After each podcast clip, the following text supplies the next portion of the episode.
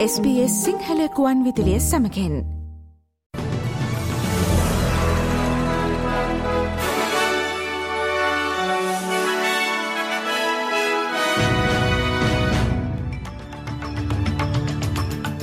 අද දෙසැම්බර මස අටවනිදා සිකුරාදා SBS සිංහල සේවේ ප්‍රෘතිගෙනන මම දිනේශා දිල්රුක්ෂී විජේසූරිය.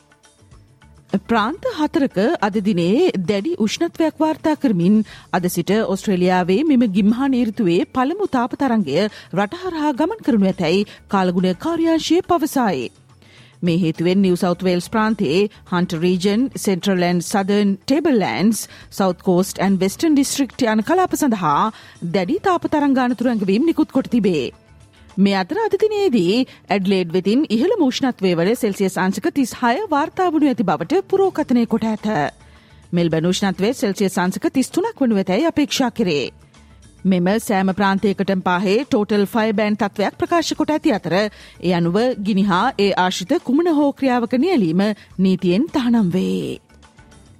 ඔස්ට්‍රේලියාවේ දක්ෂිනාංශික අන්තවාදය පිළිබඳව නව පරීක්ෂණයක් පැවැත්වීම කෙරෙහි රජයේ අවධානය යොමුව තිබේ.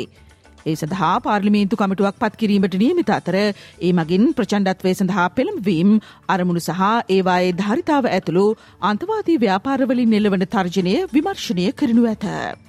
අන්තවාදය ප්‍රවර්තනය කිරීමේදී අන්තර්ජාලය සහ සමාජමාධ්‍ය ඉටු කරන කාර්යභාරය තීරණය කිරීම සඳහාද පරීක්ෂණ පැවැත්වේ. ඒ සමගම ප්‍රචණ්ඩත්වයට අන්තවාදයට සහ රැඩිකල් කරණයට ලක්වන තරුණු තරුණයන්ට එරෙහිව ගත හැකි ක්‍රියාමාර්ගද විමසා බැලීමට නියමිතයි. දිනනියමයක් නොමැතිව අනවසර සංක්‍රමණිකයෙන් රැඳවුම් භාරය තබා ගැනීම නීති විරෝධී බවට මහතිකරණය විසින් තීන්දු කිරීමෙන් අනතුරුව සමාජයට මුදාහල පුද්ගලයෙන් අතරින් සාපරාධී ක්‍රියා සඳහා වර්ධකරු බවට හඳුනාගත් තවත් පුද්ගලයෙක් අත්තඩංගුවට ගැනේ. තිස් නව හැවරදි මෙම පුද්ගලයා දුටතන අත්තනගොට ගැනීමේ නියෝග මත සිට පුද්ගලයකු බවද වසර දෙදහස් දොළහේදී ඔහු බ්‍රිස්පේන් හිදී අත්තඩංගොට ගෙන සංක්‍රමණික රැඳූම් භාරය තැබීමට කටයුතු කළ පුද්ගලයකු බවටද හඳුනාගෙන තිබේ. ඔහුගේ අත්හිට වූ සිරිදනුවම් සඳහාවන කොන්දේසි කඩ කළ බවට චෝතනා කරමින් ඔහුට එරෙහිව වරෙන්තුවක්ද නිකුත් කොට ඇති බවද පොලිසිය පවසයි. මේ අනුව මොහු සංක්‍රමණික රැඳවුම් භාරයෙන් සමාජයට මුදාහල රැඳවුවන් එකසිය හතලිස් අට දෙනා අතරින් නැවත අත්තරංගුවට පත්වනු පස්වන පුද්ගලයා බවට පත්වේ. මහතිකරන තීන්දුවෙන් පසුව මෙලෙස කිසිදු වග විභාගයකින් තොරව පුද්ගලයෙන් සමාජයට මුදාහැරීම පිළිබඳව රජය ඔස්ට්‍රලයානුවන්ගින් සමාවිල්ලා සිරින් ලෙසට විපක්ෂය රජයට බලපෑම් කර තිබේ. එසේම ස්වදේශ කටයුතු ඇමති ක්ලයා ඕනීල් තනතුරෙන් නිරපා හැරී යුතු බවටද විපක්ෂය පවසයි. තම රජය මේ නිවැරදි කිරීමට අවධානය යොමු කර තිබෙන බව මෙම ඉල්ලීම්වලට ප්‍රතිචාර දක්වමින් අගමැති ඇන්තනි ඇල්බනීසි පවසා සිටියේය. After the High Court made the decision that they did, our government has been focused on fixing this. And one of the things that happened on Sunday, Mr. Speaker, is we offered a briefing to the opposition on the legal advice. Did they get it on Sunday? Did they do it on Monday? Did they look at the legal advice on Tuesday? Did they look at the legal advice on Wednesday? Or did they look at the legal advice on Thursday? No. රජය ප්‍රථම වතාවට සිය ඉදිරිපෙළ මන්ත්‍රීවරයෙකු ලබන සතියේදී ඊශ්‍රායිලය වෙත පිටත් කොට හැරීමට බලාපොරොත්තු වේ. ඒ අනුව සහකාර විදිශ අමාත්‍ය ටිම් වොඩ්ස් මෙලෙස ඊශ්‍රායිලය වෙත ඇවීම සිදුවන අතර ඒ සමග විරුද්ධ පක්ෂයේ විදේශ කටයුතු පිළිබඳ ප්‍රකාශක සයිමන් බර්මිංහැම් ඇතුළු ස්වාධීන පාර්ලිමේන්තු නියෝජිත පිරිසක්ද සංචාරයට එක්වීමට නියමිතාය.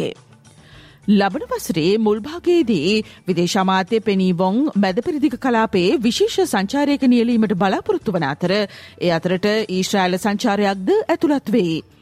කලාපේ රජයේ ප්‍රයත්න ඉදිරියට ගෙනයාමට අවශ්‍ය පූර්ව කටයුතු සැලසීම නියෝජ්‍ය විදේශ අමාත්‍යවරයා ඇතුළු පිරිසගේ සංචාරයේ මූලික අරමුණ බවද සඳහන්. ගාසාතීරයේ දකුණු ප්‍රදේශයේ ප්‍රධාන නගරයක් වන කාන් යොනිස් වෙත එල්ලවනු ඊශ්‍රායිල ගුවන් ප්‍රහාරයකින් තවත් පුද්ගලයින් කිහිප දෙනෙකු මියකොස් ඇති බව වාර්තාවේ. මේගිය සහ තුවාල ලැබුවන් කොපමණ සංඛ්‍යාවක් දෙයන්න තවමත් නිශ්ිතව තහවුරු කර නොමැත. දුසිම් ගණනක් ඇති බවට සැකකිරෙන බව සිද්ධිය ඇසින් දුටුවක වන ශාදි අබු සම්රා පවසා සිටියේ මෙලෙසින්. There were people having breakfast, safely sitting, baking or filling water. There is no safety.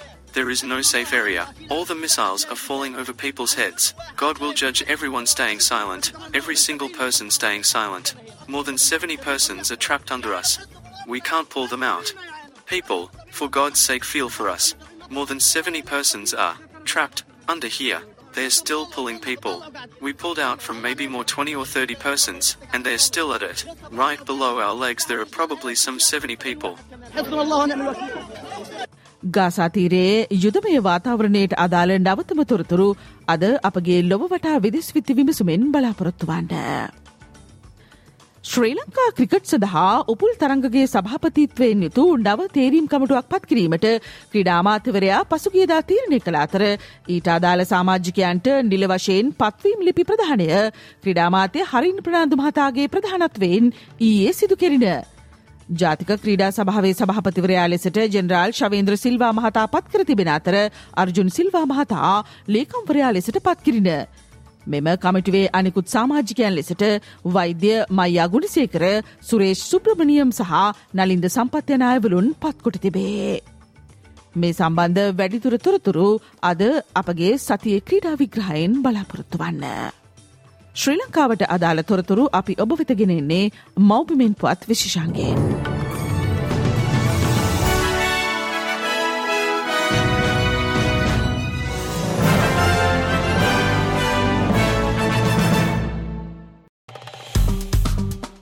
ලයි කරන්න ෂයා කරන්න අදහස් ප්‍රකාශ කරන්න SBS සිංහල ෆස්බුක් පිටුව ෆලෝ කරන්න.